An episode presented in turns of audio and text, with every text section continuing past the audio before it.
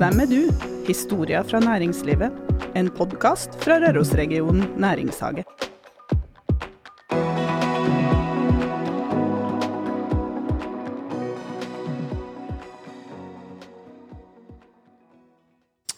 Hei, folkens. Nå er det mandag morgen. Det er nå vi spiller den inn. Velkommen til eh, den femte podkasten fra Rørosregionen næringshage. Og velkommen til dagens gjest, Trond Lund. Ja, tusen takk. Da skal vi innlede så vidt, eller Kristin skal innlede så vidt, med hvorfor i all verden driver Næringshagen med en podkast, Kristin? Uh, ja. Det er jo fordi at næringslivet skal bli bedre kjent med hverandre, og for at de skal bli bedre kjent med oss, og for at vi skal bli bedre kjent med dem. Jeg tenker at uh, hvis uh, ja, hvis vi blir bedre kjent med hverandre, da, så er kanskje terskelen for å ta opp telefonen, ta kontakt, samarbeide, se nye muligheter, løse utfordringer sammen. Kanskje går det litt eh, letta. Ja. Og da er det Trond Lund. Hva driver han med til daglig? Nei, til daglig så er jeg jo meieribestyrer på Rørosmeieriet.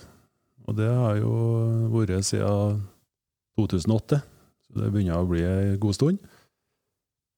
Så eh, ellers så, på fritid, så går det jo mye i aktiviteter i, for å skape aktivitet da, på Tolga, der jeg bor. Og med lang fartstid som leder i idrettslaget, og vært med og bygd litt hoppbakker og Ja, ja. er med stimulere til aktivitet og sånne ting, så blir det jo en del dugnad og planlegging. Så nå, nå begynner jeg å bli misfornøyd med været, for nå syns jeg vi begynner å få minusgrader snart, så vi kan begynne å produsere snø. Jeg forstår. Men uh, la oss holde oss på, til meieriet først. Vi skal treffe hoppkanten seinere på flere områder. Eh, husker du, eller jeg husker ikke, men jeg vet at Rørosmeieris historie den startet jo med en nedlegging.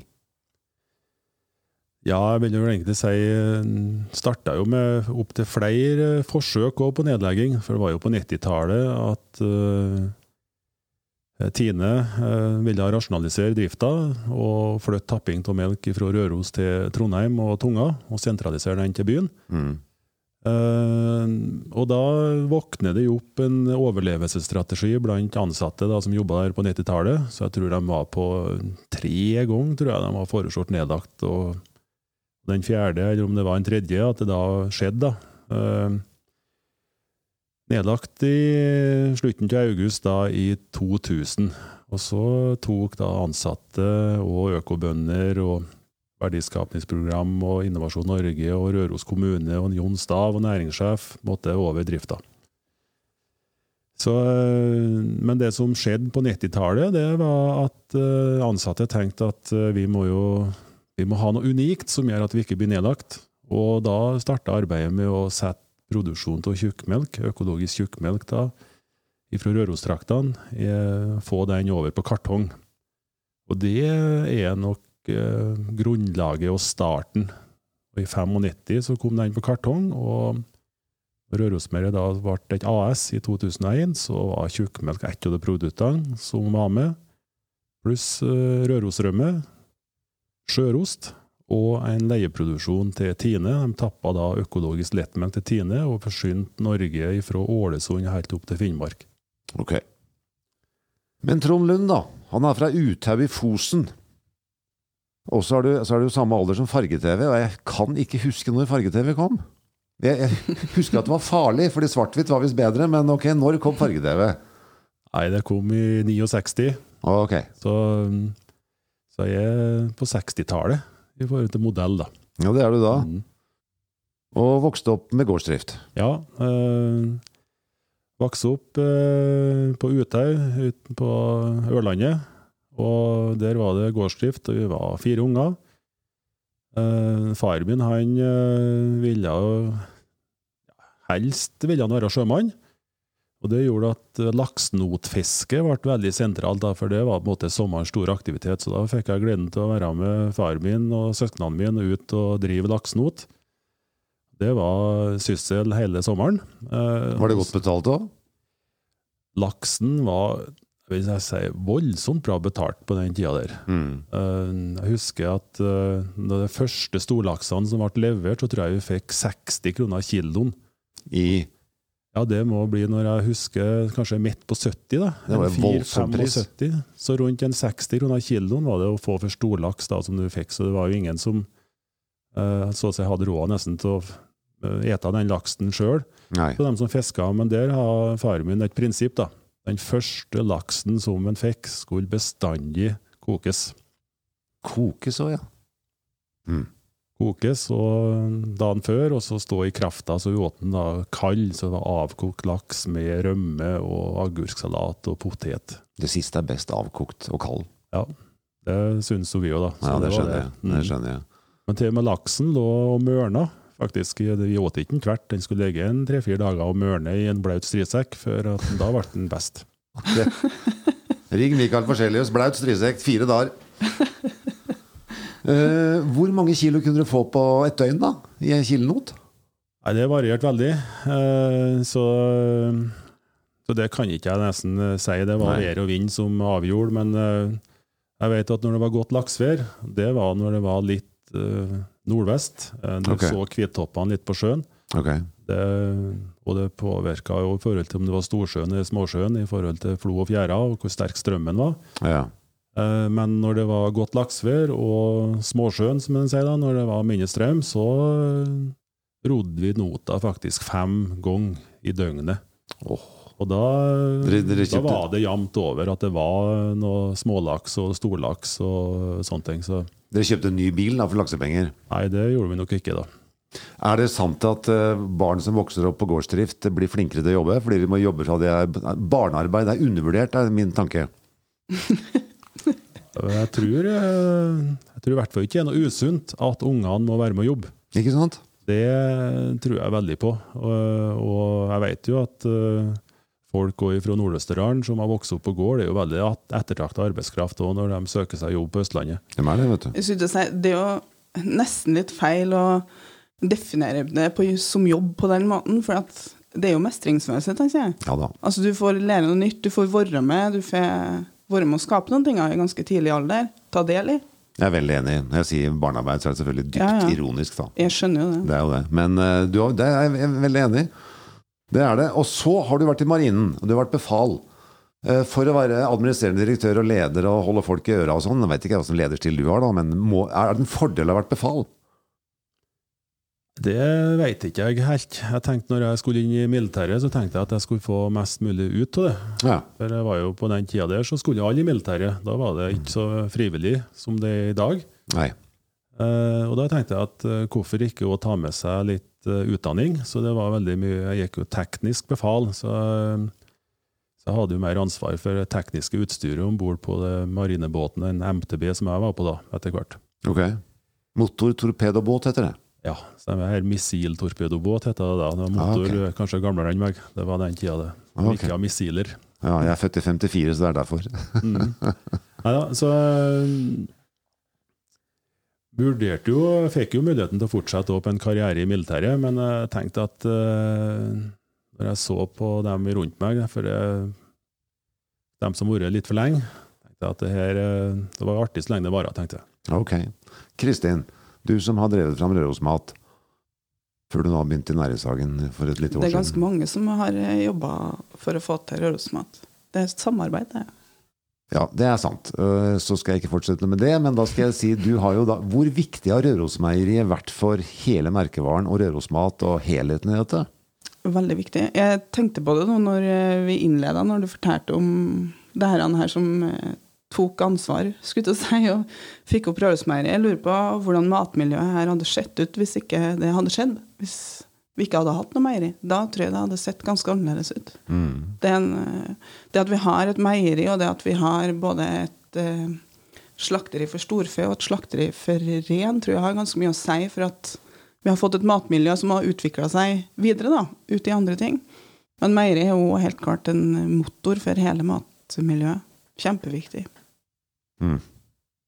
Jeg har jo tenkt på det på en måte når trøkket kommer nedenfra, da, for det er jo det som skjedde. Ja. Mm. At det var, det var bønder og det var ansatte som ønska faktisk det her. At da er kanskje graden av suksess er nok størst, tror jeg, når eh, det er liksom grasrota som vil drive fram utvikling. ja. para med at du må faktisk ha enkeltpersoner som er gode nok. Du må ha noen som eh, hele tida drar det og vet hvor han vil. Ikke sant? Det må du ha. Det er lett å undervurdere det. Jeg hører jo den kledelige beskjedenheten her rundt bordet, men eh, det er faktisk avgjørende. Det kan jeg si som ikke har vært der. Og så er det tuba, da. Ja, tuba, det er jo å spille i korps, eh, har jo vært noe som jeg har drevet med fra en knapt kunne bære en tuba. Men tuba er den største av alle disse Ja, hornblåsegreiene. største. Eh, Så når du var liten, så var tubaen like stor som deg? ja, var det. Mm. Og, Klarte du å blåse inn, da? ja, jeg la den på si, la den på lårene og blåste eh, i øret på hun som satt ved sida av i starten. Ja, veldig bra. Men nå er jeg jo nokså stor, og jeg var jo litt stor som liten òg. Okay. Da landa jo at den største fikk jo da spille tuba. Ah, Uh, er du flink, da? Jeg vet ikke om han er flink eller ikke, men eh, er noe med å treffe takten rimelig bra, okay. vil jeg tro. Det er det er jo viktig for tubaen å holde eh, slagene og være den i bunnen. Legge det som, som grunnlaget i bunnen i et korps. Når du spiller noe på radioen eller i bilen, spiller du korpsmusikk Elias? Nei, det blir bare å lytte på radio. Bare lytte på radio? Ja, det blir lite musikk, og lytter jeg til noe, så bare sier jeg at det er Pink Floyd som er min eh, Ah. Musikkstil. Som jeg lytter til. Hvis jeg først har på musikk, så, så blir det ofte det. Tenker bare på han i Flåklypa når jeg hører tuba. jeg har liksom han på Jeg har på nettet, har på Ja, ja. ja, akkurat det samme. For altså Jeg er Bygde-Norge, vet du, så jeg er jo en håpløs romantiker. Jeg har jo foreldre fra Øvre, Øvre Rendal. Og ja, ja, jo, veldig kort. Det er en tegning fra en av de første Aukrust-bøkene hvor de lurer bonden. De lager sirkus, og så må du betale ti øre i grinda. Og så finner de noen gamle bomullsgarn som de brukte i Glomma, og så hopper han ned fra en sånn dødshopp. da han går rett igjennom og går rett i bakken og blør og får slå seg i hjel. Og tanta til mora mi, hun var der. Og fattern, han var så forbanna på Aukrust at han dumma ut bygdefolk. da Han hata Kjell Aukrust. Men det forteller mer om far min enn om Kjell. da De har jo en meieribestyrer, har ikke de det? Olvar O. Kleppo. Ja, de har det. Så Er du eneste i Norge som har bruker tittelen, eh, Trond? nå har jeg vel sett at uh, det er noen flere som uh, har begynt å ta i bruk meieribestyrertittelen. Jeg har sett på, uh, på Torbjørnrud. Stemmer Der tror jeg det er meierbestyrer, og jeg lurer på om uh, Og på der vi har den eh, Kraftkar Ja. mm, på Tingvoll. Du er litt sånn trendsetter du nå, egentlig. Ja, det er jo litt artig å være her. Det er jo et bevisst valg å være meieribestyrer òg. Jeg var jo meierisjef før jeg kom eh, til, til Rørosmeieriet. Da var jeg jo meierisjef på meieriet Tine-meieriet på Tolga. Eh, og det var jo mer en infosjef, og det du skulle gjøre som du fikk beskjed om eh, i konsernet. Eh, Det kunne jo være med å utvikle det òg, men og da, som jeg bruker å si, at eh, som Eierbystyrer så har du på en måte eget styre og egen pengesekk. Men samtidig så er du heller ingen CEO eller at du er en direktør eller sånne ting. Det er meieri som skal bestyres. Ok. Du er en del av produksjonen. Så, mm. Men da er det jo selvfølgelig Altså, motoren din. Du har jo gitt oss litt eh, informasjon i forkant, og vi har snakket sammen litt, og du har skrevet litt. Du er måldrevet. Du er ganske god på å holde stødig kurs. Du forplikter deg, sier du. Og så er du dårlig på å feire. Det er liksom neste, neste, nesten der. Men kjenner du egentlig grunnmotoren din? Det er et sånn vanskelig spørsmål, men jeg tror faktisk denne forpliktelsen og det å tørre å si noe, tørre å sette seg mål, er en eh, motor som gjør at eh, eh, tør å formidle eh, tanker. Det gjør det lettere å nå målene dine. Mm. Og så, eh, for å ta ei historie om denne tubaen, da, Mm.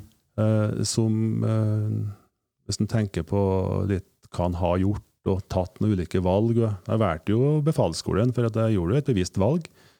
Og det å ta valg eh, underveis eh, er jo en viktig sak, som kan føles vanskelig i enkelte sammenhenger. Men eh, jeg valgte jo når jeg var ferdig på befalsskolen, at eh, jeg tenkte at mat må vi ha. Så da valgte jeg å ta studiet som omhandla mat. Eh, Og så eh, litt eh, en historie som kanskje viser det valget ekstra godt òg, at eh, det var jo på slutten eh, på Tolga ble det jo slutta nedlagt. Og så var det jo sånn i Tine at uh, dem som ordna seg jobb sjøl, dem skulle jo få en sluttpakke Ah. på tre måneders lønn. Og tre måneders lønn, det var sånn cirka det det kosta for en tuba. Så tenkte jeg at uh, Og jeg har jo hatt det fint i Tine, og, og så var det jo kanskje artig å ha et eh, litt sånn minne, da. Eh, Ikke bare meierispann, men en eh, gulltuba i tillegg. At det kunne være en sånn fin sluttpakke fra Tine. Og så var det når jeg kjørte fra Tolga, jeg skulle hit på et møte på Røros, og så skulle jeg innom Os og se på denne tubaen. Og da ringte sjefen min i Tine og sa at jeg var ønska ned til Oslo og skulle få jobb der. Og sånn sett så fikk jeg ikke noe sluttpakke. Da kjente jeg litt at uh, Kjørte jeg i fem minutter til, og så tenkte jeg med meg sjøl at det er nå ikke Tine som skal avgjøre om jeg skal kjøpe meg tuba eller ikke. Dermed så ble det tuba og ingen sluttpakke. Og så Så det, jo, det tror jeg kanskje er litt grann, eh, kjernen i det å, å bestemme seg, altså. Og ikke liksom bare lytte på andre, men faktisk tørre å stå i det. Og det var jo nå en effektiv måte å kalle det en sånn eh, å brenne bruer litt. Og det å skjønne at nå eh, tok Mm. du steget ut Mm. ifra et stort, trygt konsern der ansatte blir tatt vare på, til at nå skulle du bestemme sjøl om du skulle eh, overleve eller ikke. da. Jeg har jo på følelsen at du liker litt den uh, rollen, og Trond, litt den derre underdog eh, Altså sparke litt uh, En liten litt sånn faen når det skjer sånne ting. Jeg blir jo litt uh, trigga av motgang. Du får litt ekstra energi til å faktisk prøve da, på at eh, eh, er det mulig, eller er det ikke mulig? At du da må finne en annen vinkling, en annen strategi for å nå fram. Mm. At du må gå litt, ja, litt eh, motsatte veier, kanskje, i forhold til trenden. Så jeg vet jo at vi snakka om på meieriet, og hva er det som kjennetegner Rørosmeieriet. Og jeg må si at et bilde som jeg syns eh, jeg synes er veldig bra, det er at uh, daud fisk den flyter med strømmen. Så det er som å ha en, faktisk en laks da, som svømmer motstrøms. Uh, er et bilde som jeg syns er veldig bra for å beskrive både hvordan tenker og hvordan uh, kanskje Rørosmeieriet har kommet dit vi er i dag. Mm. At vi orker å svømme motstrøms. Så blir man utrolig mye mer vital av å svømme svømme motstrøms. Men du, da, da benytter jeg sjansen til å skyte inn et spørsmål. Du må selvfølgelig Dette vet jeg lite om, men eh, det er mange som lurer, og det er diskusjoner nå. Har dere blitt fratatt eh, eh, en del økonomi av årsaker som jeg ikke forstår helt? Men Tines maktposisjon i norsk meieristruktur, eller norsk matstruktur i det hele tatt, kan du si litt om det? Jeg ber deg ikke om å si noe dumt eller fælt om Tine, men altså, hvordan virker dette her i Norge? Uh, det her er skal prøve, prøve å si det enkelt. Uh, men fort gjort, så glir jeg av. Bare for å forberede den lytteren som er her nå. Men uh, Tine har jo hatt monopol i Norge på meieri. og Tine er markedsregulator og sørger for at uh, alle får uh, henta melka si. Og og den kostnaden da det koster for å hente melk eh, i fjernere strøk, da, litt langt ifra markedet, eh, der er, det, der er prisutjevningsordninga bl.a. inn. Så prisutjevningsordninga er veldig sentral i det som har blitt i media det siste. da. Og så Litt tilbake så ønsker jo politikerne at Tine skal ha konkurranse. Og for å få til konkurranse, så må dem som starter opp, eh, støttes eh, med konkurranseretta virkemiddel. Da. Eh, Og, det, det er liksom, og den er finansiert òg gjennom denne prisutjevningsordninga. Jeg -hmm. kan jo si hva som vil i forhold til om det er rett finansiering eller ikke. Det, det kan vi alltids diskutere, men sånn er det nå per i dag. Eh, For at det å starte opp mot et veletablert eh, si, monopol, da, som av størrelse eh, Tine, det er ikke enkelt. Og så, kan, så får du på en måte ikke starta helt med de produktene du vil heller. Du må liksom ta det som måte er ledig. Mm. Så det er liksom litt om eh, bakgrunnen for prisutjevningsordninga, eh, og at Rørosmeieriet er for prisutjevningsordning. Mm. Eh, Jeg syns at noe produkt i denne prisutjevningsordninga, sånn som yoghurt og melk, de betaler avgift inn. Og så stimuleres produkt som smør, hvitost og melkepulver, for det har dårligere inntjening. Ok, men da er, det, da er det egentlig en Politikerne ville at Tine skulle ha konkurranse, og så ønsket man å opprettholde et landbruk over hele Norge. Det er grunnen her, eh, sånn i hovedsak. Er det omtrent riktig? Ja, og så har jeg bare For nå er jeg en banal lytter, Ja. og nå tenker jeg også, hvis jeg hadde hørt på deg på radioen, Mm. forstår jeg hva du sier? Jeg tror jeg kan være enig i det du sa der. Ok, Og så er det måtte, bare halvparten da, av avgiftstrykket eller den totale kostnaden da, som Rørosmeieriet må bære. men når dere nå blir fratatt eh, noen fordeler, eller en type mm, subsidiering, eller kall det noe når dere nå blir fratatt det, hvem sitter bak og har trykka på slik at den, de pengene er blitt borte? Vet du det? Tror du noe?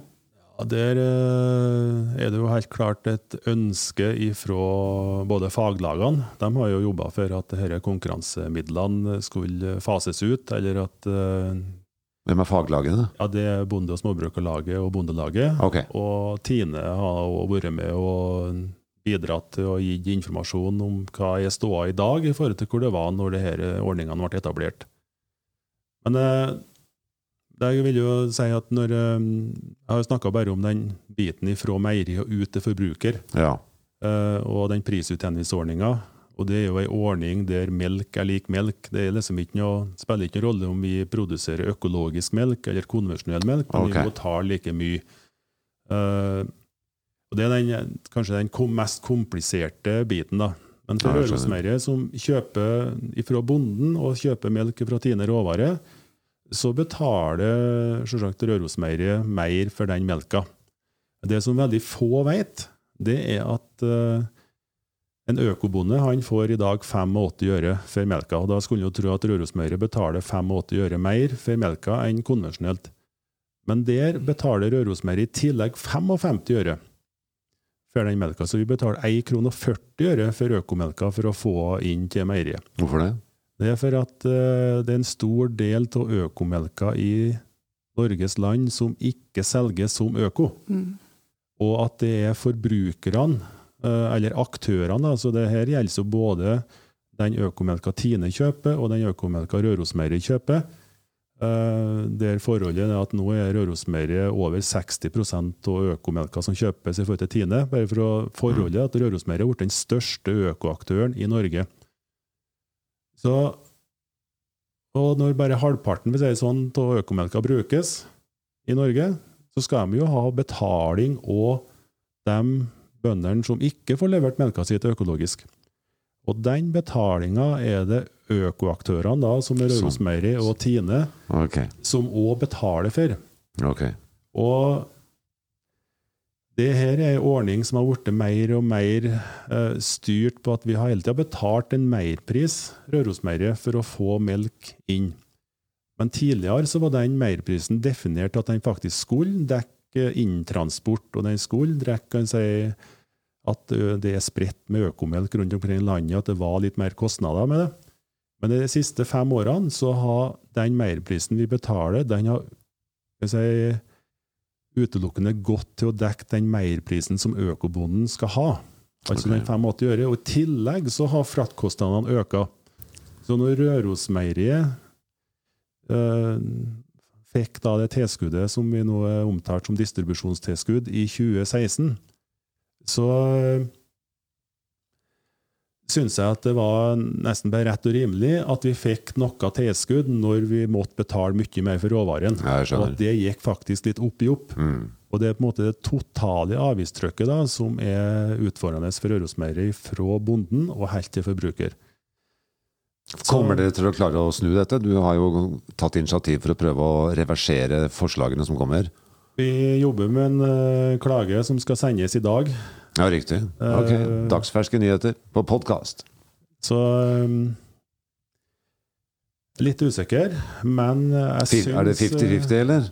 Uh, Men bare for å Ja. Det som uh, Det som er sagt om dette distribusjonstilskuddet, da, det er jo at eh, Jeg må ta det hele linja. Det er som sagt, det var litt langt. Men når vi fikk distribusjonstilskudd i des desember i 2016 ja. Vi har ikke hatt det så lang tid som Kumeri har hatt det. Eh, Så så vi jo den gangen nå at prisforskjellen på økologiske varer og konvensjonelle ute i butikk det bør ikke overstige 15 Det vet vi litt i forhold til kjøp og salg og volum. Og da, det oss, da ga vi på en måte den femtyringen vi fikk i støtte, til å gjøre at forbrukeren fikk billigere økomelk når han handla det i butikken. Da hadde det jo bidratt til økt volum, økt salg, og sånn sett hadde det òg bidratt til økt anvendelse av økomelk i Norge. Mm. For eh, når vi starta på denne prosessen her litt tidlig, så var anvendelsene på 38% og så har vi klart å løfte den opp til 60% så det har vært veldig bra. Mm. Eh, når vi nå fikk varsel med at i dag, den 1. november, er dagsaktuelt det òg, fra i dag vi fikk tre vekker siden, fire uker siden fikk vi varselet at vi skulle miste. At vi skal miste eh, 7,3 millioner i tilskudd, eller fradrag, kan vi bruke å si det. Eh, Men eh, Og det, det gjorde at eh, vi måtte bare gå ut og øke prisen med 50 øre igjen. Så i dag så er nok prisen på Økomen kort til 50 øre dyrere ute i butikk. Og det tror jo jeg vil medføre, dessverre, at salget av økomelk vil gå ned igjen i Norge. Og sånn sett så vil jo anvendelsen på økomelk gå ned igjen.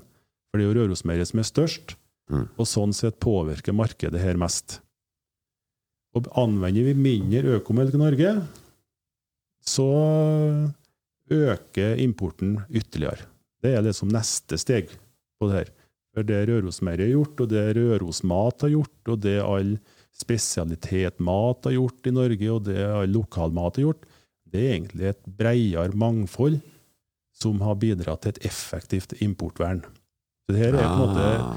Rørosmeieriet er en del i en stor greie for at vi skal produsere mer norsk mat på norske ressurser. Og det vi er i ferd med å gjøre nå, og da sier jeg at eh, det var 50 øre i tilskudd da, eh, som vi fikk. Og for den 50-øringen så betaler Rørosmeieriet eh, faktisk ei 40-de bonden. Mm. Det betyr at 90 øre ekstra Mm. bidrar Rørosmeieriet til den norske bonde for hver liter eh, når vi investerer i 50-åringen. Når vi nå Mm. mister den, og Rørosmeieriet trenger mindre melk, så kommer ikke Rørosmeieriet til å kjøpe den melka fra Tine Råvare, så dermed så vil Tine Råvare gå 1,40 i minus per liter mindre vi foredler. Det er ganske komplekst, eh, det her. Altså, det er ikke bare å forstå, syns jeg ikke. Men når du står i sånne situasjoner som det her, Trond, for det er jo det er ganske krevende, og det, det er viktig for en sånn aktør som Rørosmeieriet, men òg for andre mindre mataktører, som du er inne på. Hva, hva det gjør med deg da? Hva du liksom kjenner på? Hva, I den fasen her så kan jeg ble jeg både matt, rett og slett. For at eh, når argumentet bruker med at dette distribusjonstilskuddet virker sentraliserende, det provoserer meg. At det er sentraliserende at Rørosmeieriet har klart å gått fra fire ansatte til 45 ansatte på Røros, og at vi kjører melk fra Røros til Oslo. At det er sentraliserende i forhold til at melk fra Oslo produseres i Oslo, kjøres til Oslo, den fatter ikke jeg. Og det er på en måte kjernen i at jeg, jeg klarer ikke å se at det her helt eh, henger i hop. da. Men det er alltid spørsmål om hvem som snakker. Hvem sier at det er sentraliserende? Hvilken stemme er det? Ja, Det er en rapport som Oslo Economics eh, har levert. Hvem har bestilt den, da? Jeg er gammel nok til å stille sånne Ja, spørsmål. jeg vet du, Det er Tine som har bestilt den. Ok, surprise, surprise. Så, men det provoserer meg, og så kjenner jeg at uh, uh, Du blir jo noe gira, men det, det her er såpass stor endring for Rørosmeieriet. Og vi har jo snakka med våre kunder, som er Norgesgruppen, og eh, og Coop, mm. at eh, de òg er jo bekymra for det totale kostnaden på melk. Hva vil skje neste år? Jeg skjønner. Så, mm, Ok. men, da, men da vil jo på en måte Vi må for så vidt bare jobbe enda bedre på å styrke merkevaren og være kvalitet. Vi må i hvert fall sørge for å levere kvalitet i hvert eneste produkt vi leverer ut. Mm. Så at vi ikke skuffer en eneste forbruker da, som har bestemt seg for at han skal betale litt ekstra. Mm. Den forbrukeren må bli fornøyd, og da tror jeg jo at relativt sett da, så er jo mat utrolig billig i Norge. Og det er jo at det hele tida er fokus på at det skal være så billig som mulig, som kanskje det er totale utfordringa for matproduksjon i Norge. At, og hvis du ser på melk, så skal jo det nesten koste ingenting i forhold til andre drikker Mm. som selges. Så, så det klarer vi å snu den litt, og vi er for så vidt blitt litt politisk interessert i det siste. Vi må jo sette seg litt inn i politikken. Mm. Uten at jeg jobber aktivt politisk, så så har jo sånn sett Landbruksdepartementet og pol- landbrukspolitikken en kjempeoppgave fremfor seg. Og nå har vi, kikker vi oss tilbake og gjør det samme som før, har vi gjort i mange, Mm. lang tid. Eh, vi har vel ikke hatt en offensiv landbrukspolitikk siden Sylvi Listhaug. Da skjedde jo ting. Mm. Eh, Så jeg håper jo egentlig at det også skal skje ting nå, eh, med at, eh, som da kan eh, få opp betalingsvilligheten da, blant norske forbrukere for norske eh, kvalitetsprodukt. Eh, Og sånn sett bidrar også at det er fortsatt rom for Rørosmeieriet i volumet, og at vi er vant med å vokse en 10-15 i året. vet du, og Ja, det er det, ja. og da blir på en måte Når du ser en mulig utflating da, så kjenner jeg at det liker jo ikke. Nei, det Det ser jo at vi legger jo Da, må vi, da, da tror jeg nesten vi må ta en liten spørreundersøkelse rundt bordet. Vi har med oss en tekniker. Du kan jo, Nå vil ikke folk høre deg, men Kurt, hva er ditt favorittprodukt fra Rørosmeieriet? Rørosmør. Kristin, hva er ditt favorittprodukt? Rømme. Og Trond, ditt favorittprodukt? Jeg har sagt Rørosrømme, men nå har jeg begynt Nå holder jeg på å nærme meg den nye middagsosten vår. Har jeg ikke hørt om engang. Nei. Ok, et Den nytt er, produkt. en- det er et nytt produkt, ny laga av sjørost, men den er jo helt fantastisk for husholdninga på to personer. Ordne seg en liten forrett og ordne seg en liten middag. Jeg- Nei, Middagsosten den begynner å bli god, altså. Men Den heter det, altså? ja, middagsost. Hvor får jeg den, da? Nei, det har jeg ikke oversikt over, men, Men i hvert fall, i butikken på Rørosmeieriet. Å ja, så jeg må, kanskje- der har jeg enda ikke handla. For egen del så har jeg rørosmør på topp, men selvfølgelig så var det ett produkt som dukka opp for en liten stund siden, og som nå er borte igjen, og sikkert for dyrt å lage. Det kosta skjorta, men det var verdt hver eneste femmering, og det var yoghurt med vanilje og honning. Åh, åh, åh, åh, så godt var det. Og så litt brun sukker på toppen. Du behøver ikke lage dessert til finere middag, bare litt sånn så et fint glass og så litt brunsukker på toppen. Åh. Og konjakk og kaffe, da, selvfølgelig. Yoghurt og konjakk og kaffe, faktisk. Yoghurt, brunt sukker på toppen, en konjakk og en kaffe. Genialt. Eh, du, det å bli misforstått i media, da blir du søvnløs. Jeg tror ikke du er en søvnløs mann av, av natur, men hvor lett er det å bli misforstått i media, og hvorfor? Ja, det vil jeg jo tro at mange har hørt meg nå òg, at det her, eh, når du snakker om vanskelige budskap, Nemlig så er det fort gjort å bli misforstått. Uh, og så mm, Ja, jeg tror egentlig det, og da for å prøve å for, for å enkle ting, da, for å bli lagt merke til, så må du òg kanskje generalisere noe i sine budskap. Ja. Og da er det alltids noen som uh, reagerer. Mm. Jeg skjønner. Og det gjør at en sånn sett eh, en kvier seg jo litt for å gå ut for aktivt. For jeg ønsker, det jeg ønsker aller minst, det er jo å skape eh, intern krangel mellom Tine og Rørosmeieriet og økologi og konvensjonell i Norge. Vi foredler, det- norsk melk. og det, er på en ja. måte, det er jo import vi jobber mot, eh, og det er det som bør samarbeide om. da. Altså det her er jo et tema som veldig mange har sterke følelser, og det er mye kultur og mye historie. og altså, Mange mener mye og føler mye om landbrukssamvirket. Ja, altså, Tine ja. Jeg skjønner det ikke ordentlig. Jeg har, jeg har faktisk forsøkt. Jeg syns det er veldig krevende å, å forstå det. Det Men må, det skjønte, må men skjønte du at vi nå betaler en høyere pris enn eh, enn bare det som økobonden får for den melka vi kjøper. At vi faktisk betaler Det skjønte jeg. Ja. Det er det få som har skjønt. Men jeg syns det som da napper i huet mitt, er hvorfor i all verden, og hvem er motoren bak? Det er, for vi, altså, det er, Det er for fattighjernen din. eh, Jo, jo, men også research og dokumentasjon i hjernen min. Ja. Eh, det har jeg jobba veldig mye med. Altså, det, man snakker om konspirasjonsteorier. Det, altså, konspirasjonsteorier det det altså, Donald Trump og alt, jeg glem det. Men det sitter, det er konkurranse, og det sitter folk og planlegger. og Hvordan skal jeg bli kvitt konkurrenten min? Eller hvordan skal jeg få større fordeler? Det er en del av verden. Styrerom og lederrom. Men det er nå så sin sak. Men det jeg tror som er har kommet til litt, da, det er at eh, på 90-tallet så ble Tine pålagt Jeg vil ikke bare Tine, men markedsregulatorene ble pålagt å begynne med økologiske produksjonslinjer. De var jo små og ikke effektive.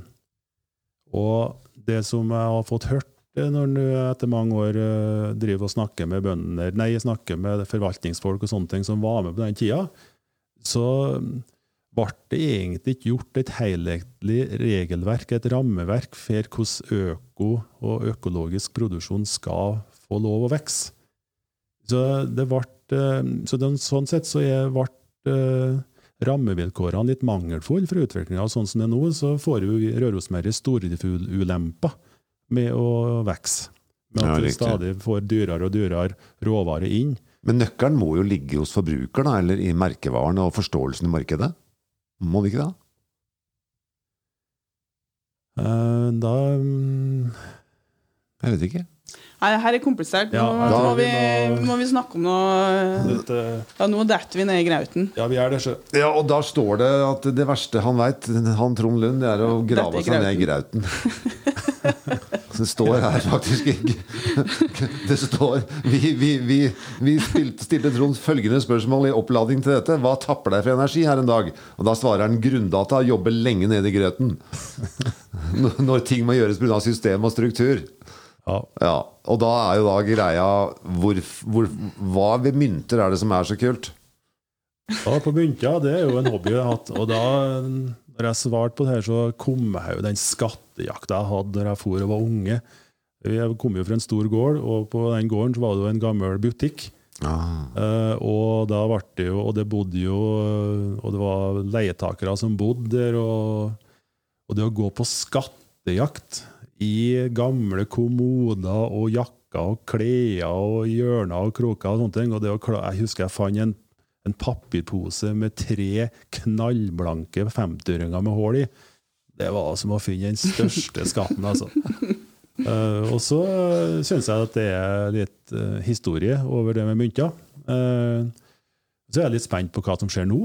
Er, på en måte, er samleverdien, Vil den stige, eller vil den søkke? Har du dem i perm? Jeg har dem i et sånn monter i et skap og sånne ting som står i gangen. Altså, jeg ser på dem hver dag. Såpass, ja. Det er liksom det fineste jeg har stående fram. Da. Så, Men mynten er jo ikke saken. Saken er jo finnen. ja, ja. Er det det? jo- Eh, nå eh, i siste så har jeg bare kjøpt mynter, sånn Å, som ja, jeg ønsker okay. å samle. Ja, riktig. Eh, men jeg har også hatt en drøm om å ha en sånn metalldetektor ja. og gå på sånn det- skattejakt. Enig. Det, det har jeg ennå ikke kjøpt meg. Og jeg vet ikke om jeg kommer til å gjøre det, men det er det som har vært en sånn barndomsdrøm. Å få gå og leite på gamle plasser der det har visst at det har vært gamle hus, og der det har vært handel, og der det har vært sånne ting. Det kan du gjøre når du blir pensjonist, eh, Trond. Da Ja. kan du ha tubaen på ryggen og så metalldetektor foran. Ja, så, og så ringer vi Kjell Aukrust i himmelen og ber han tegne. Vær så snill. Eh, vi nevnte jo innledningsvis eh, skihopping. Har du eh, hoppa på ski, Trond? Aldri hoppa på ski. Har du lyst? Hoppa vel eh, som unge og knekte noen langrennsski og sånne ting, og datt og sånne ting. Men eh, nå, å hoppe på ski Det kunne jo ikke ha falt meg inn. Hvorfor ikke? Nei, hvorfor skal han eh, Om jeg har fått en million, hva skal jeg med en million hvis den er død, tenker jeg. Så jeg føler at det, Nei, det er alle i verden bare torde å, hoppe og slippe den bommen. Jeg, jeg har et sånn annet bilde på at jeg slipper bommen i andre sammenhenger. Men du sender jo i vei disse ungene dine, gjør du ikke det? Ja, ungene har fått vokse opp med det her, og de har tatt steg for steg. Ja. Så de har vokst i takt med at de har blitt modigere og modigere. Det er ganske tøft, da. Så, ja, men det, ungene de tar de valgene sjøl. Ja. Og du ser at jeg aldri pusha en unge opp i bakke. Eh, Akkurat det må de finne ut sjøl. Hva du tenker er viktigst for å liksom bidra til at unger, da, eller dem du jobber med, eller tar egne valg? Da? For at du snakker om, mye om det, det å ta egne valg. Ja, da er vi over på verdier, da. Eh, Jeg er jo en verdinerd, og eh, jeg bruker å omtale meg litt som eh, Og på, eh, på Rørosmeieriet så er en av verdiene det å være engasjert.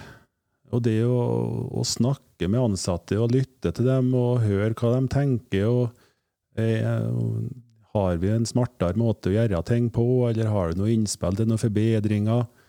og at vi faktisk tar alle innspill til vurdering, og både kanskje gjør noe med det òg. og det er med å skrydre på en måte engasjementet, da, og som gjør at uh, forhåpentligvis så folk som jobber på Rørosmeieriet, blir å trives uh, med jobben, og at de føler at de kan være med å utvikle jobben. Um, og at det da, når eh, noen slutter og sånne ting også, at vi har interne utlysninger, og at uh, har du på en måte en, noe i deg som eh, ikke jeg har sett, eller noen har sett, men som du da du har lyst til å gjøre andre ting òg, at du kan flyte litt imellom avdelingene på jobb, det tror jeg òg er veldig bra. Det er snakk om en utvikling, at folk må få lov til å vokse og utvikle seg i rollen og få nye utfordringer. Da. Det tror jeg er viktig. Og da kommer det en liten faktaopplysning, så vidt det er. Eh, slik Trond Lund beskriver sin lederfilosofi, den er en av fem som er i et stort eh, prosjekt i USA definert som en av de viktigste suksesskriteriene for de som slår børsen hele tiden. De beste selskapene i verden. Akkurat det du sier. Og særlig det å satse på egne krefter, utlyse internt først, finne kvaliteter hos medarbeidere og la dem vokse. Ja, jo, Strålende. jeg har ikke lest det, men det var jo godt å høre det. da. Boka heter From Good to Great. Nettopp, ja. Jeg syns det er veldig interessant det her med altså, hvor viktig det er å, å ta egne valg. Da, for at, eh, spesielt når du ser liksom, eh, samfunnsbildet da, blant unge som, der man sier at man er veldig redd for det. Altså Man føler på et eh, veldig ansvar, da, man er veldig redd for å gjøre feil. Det er jo liksom noe av det som vokser mest frem kanskje blant uh, yngre om dagen. Hva tenker, hva tenker dere om det? Hva, hva gjør vi med det? For det, det er jo veldig lett å si at det er enkelt å ta et valg, men for veldig mange så er det jo ikke enkelt å ta et valg. Mm. Jeg tror det viktigste er at unga må Barn må i stor grad få lov å være alene og bli sosialisert med andre barn. Gå på trynet, få litt juling, snuble i trappa. Jeg tror det er avgjørende viktig. Du må være veldig ok å gjøre feil, da, tenker jeg. Nemlig. Og, du- og du, du, du må lære deg å tåle det, tror jeg. Jeg tenker jo litt på Vi sier jo nå at det er så vanskelig for ungdommen nå, at de må ha så mye å velge, og at de må ta noe valg. Men eh, var det noe mye enklere før, da? Ikke helt Jeg tror faktisk at det var vanskeligere før, ja. For da gjorde du i hvert fall et valg. Gikk du da på allmennfaglig, eller gikk du på Gikk du rett ut i jobb, eller eh, tok du en teknisk utdanning? Mm. Nå så går jo videregående på kryss og tvers, og, Mm. Og vi, det er jo mye mer allment akseptert, og det er ordninger også, for at om du bommer litt, så tar du bare videreutdanning, eller du korrigerer det inn, og det er jo ingen som rynker på nesen om du ikke er ute i jobb er 6-7-28 år. Så jeg tror det var tøffere krav nesten før, og et mer eh, Ja, det, som, det er litt reflektert over, at det jeg tror ikke det var noe enklere før å være ungdom. Jeg, jeg, ja, jeg er jo ikke helt enig, da. Jeg tenker at eh, det er litt sånn feil å sette dem mot mot hverandre, for jeg tror at liksom rammebetingelsene er, er forskjellige, sånn at jeg tror det vil oppleves like vanskelig da som det oppleves vanskelig for dem som er, er nå, men eh, eh, hvilken, eh, Nevn en eh, stor feil du har gjort, da, Trond, som du har lært mye på. Oi, den kom jo litt eh, Ja, den kom litt brått på. Vær så god. Ja, vær så god, ja. Kan vi snakke om noe annet mens jeg tenker om det? For kanskje jeg kan multitaske? Uh, nå er det gut feeling. Nå er det gut feeling! Ja, ja, ja. Har du gjort noe skikkelig blemmere da, Gard Erik? Og fri å bevare. Trond først. Å nei, nå Det er ikke sånne spørsmål. Det Skal være Nei, skal vi Nei, vi skal, nei jeg skjønner. Du, du liker ikke det? Nei. Nei, nei, men det det- har alltid vært gjort feil. Det er jo både i ungdommen og Det sånne smått ting, eller stort, da. Det kan være en liten greie òg. Ja, det er ofte at en tenker så stort da, at det skal høres bra ut på radio, vet du. Ja, ja, ja. Ja, Men nå skal vi jo bli litt bedre kjent med deg, da. ja. Nei, da gir vi oss der. Jeg tror vi lar den ligge, for den kom litt bardus på meg. Ja, det det- går bra, vi kan ta det senere. Ja. Men uh, svakheter Når Kristin hadde spurt deg litt, så, uh, så måtte du spørre kjerringa, hadde du sagt, så vidt jeg vet. ja, ja. Jeg- Kanskje hun kanskje jo, skal ringe hun? Du kan jo ringe på hun, men det er en venn, jo så får du svar.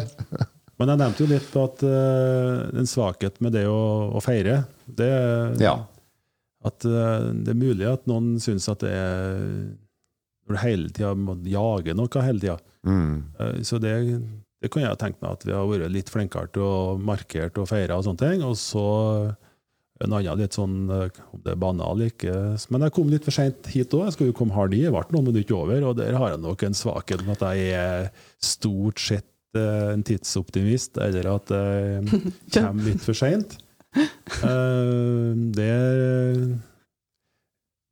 Jeg sa det jo til en Gard Erik når vi sto ned, at Trond pleier å være litt for sen, sa jeg. Så, Ja, Det men, det var to samtidig minutter, da. så um, pleier jeg å være å stole på, da. Det tviler jeg ikke på. Mm. Det er sånn som når jeg så vidt utfordra Kristin, sa liksom at Kristin har løfta fram merkevaren Røros som daglig leder i lang, Røros Mat i lang periode. Trond nå på Rørosmeieri, og, og begge snakker jo alltid om de andre osv. Men eh, det får nå så være. Men det som er utvilsomt, det er at Røros, i Røros kommune og omegn og nabokommuner så har vi et utrolig rikt næringsliv. Og vi omsetter mye. Vi har aldri, vi aldri Sjøl om Norge er i ledighet, så er ledigheten her oppe den er 2,1% eller 1,8 Altså Vi er i arbeid, vi er i farta, vi har industri, vi har landbruk. Vi, har, vi er utrolig flinke. Og så føler jeg også som nå ja, vi begynner å bli gammel nok. Så jeg ser jo fremdeles en voldsom drive. Og, men det viktigste jeg ser, er at kvaliteten og profesjonaliteten syns jeg stiger voldsomt i næringslivet. Jeg har gjort det de siste 15 åra. For jeg har sett den på denne i 25. Har du inntrykk av at profesjonaliteten stiger jevnt over rundt oss i nærmiljøet vårt? Ja, det tror jeg jeg støtter. Og jeg tror at det er en del av suksessfaktoren oppi her, med at vi jammen meg stiller høye krav, Mm. og at vi vet at skal vi lykkes Vi holder til på Røros. Vi holder til langt ifra markedet. Mm. Skal vi lykkes, så må Mm. vi levere eh, kvalitet, altså. Og vi må gjøre det på ordentlig vis. Mm. Eh, Så det, og at vi da har liten eh, arbeidsledighet, det, det bekrefter jo at de siste fem-seks personene Rørosmeieriet har ansatt, de har jo vært tilflyttende både fra Bergen, og Stavanger, og Trondheim og Steinkjer. eh, Så vi har jo bidratt til flere beboere hit. Det er jo veldig stolt eh, over. At da ser vi jo hvordan vår næring og næringsutvikling er med og bidrar til ja, for, forynging av kommunen. Da. Ja, ja. eh, Og så er det jo en attraktiv arbeidsplass. Vi får bra med søkere når det, vi lyser ut. Mm. Det, så jeg har jo tenkt eh, litt på om eh, Nå starter vi opp etter korona, og vil vi nå få nye søknader til stillinger? Men det har gått bra, altså. Mm. Vi ser at vi trekker til oss søkere. Det er bra. Det er jeg fornøyd med, og det skal vi jo ta til oss òg, at da er det eh, Ja, da har vi et godt omdømme, da. At det er en grei plass å utvikle seg videre. Mm. Jeg tror det er viktige ting å ta med seg eh, fremover er da. Holde fokus. spille på det man, som er styrkene. Videreutvikle det. Mm. Men så liker jeg veldig godt at eh, du vil bli bedre hele Du sier egentlig at du vil bli bedre hele tiden. Eh, at du setter deg store mål, at du kjører på, at du sånn og sånn. Men altså det bildet jeg har igjen da etter denne samtalen i huet mitt dette, Denne kilenotfiskeren med, fra et gårdsbruk med fire søsken og en far som Og denne laksen som var 60 kroner kiloen på 70-tallet, det var mye cash, altså. Men altså, jeg ser for meg en sånn der 18 kilos laks opp gaula, jeg. Er en sånn sølvblank en. Det er det, det, det bildet jeg har i hodet til denne samtalen, faktisk. Alt godt til Rørosmeieriet, og takk for samtalen. Jo, takk for at du kom.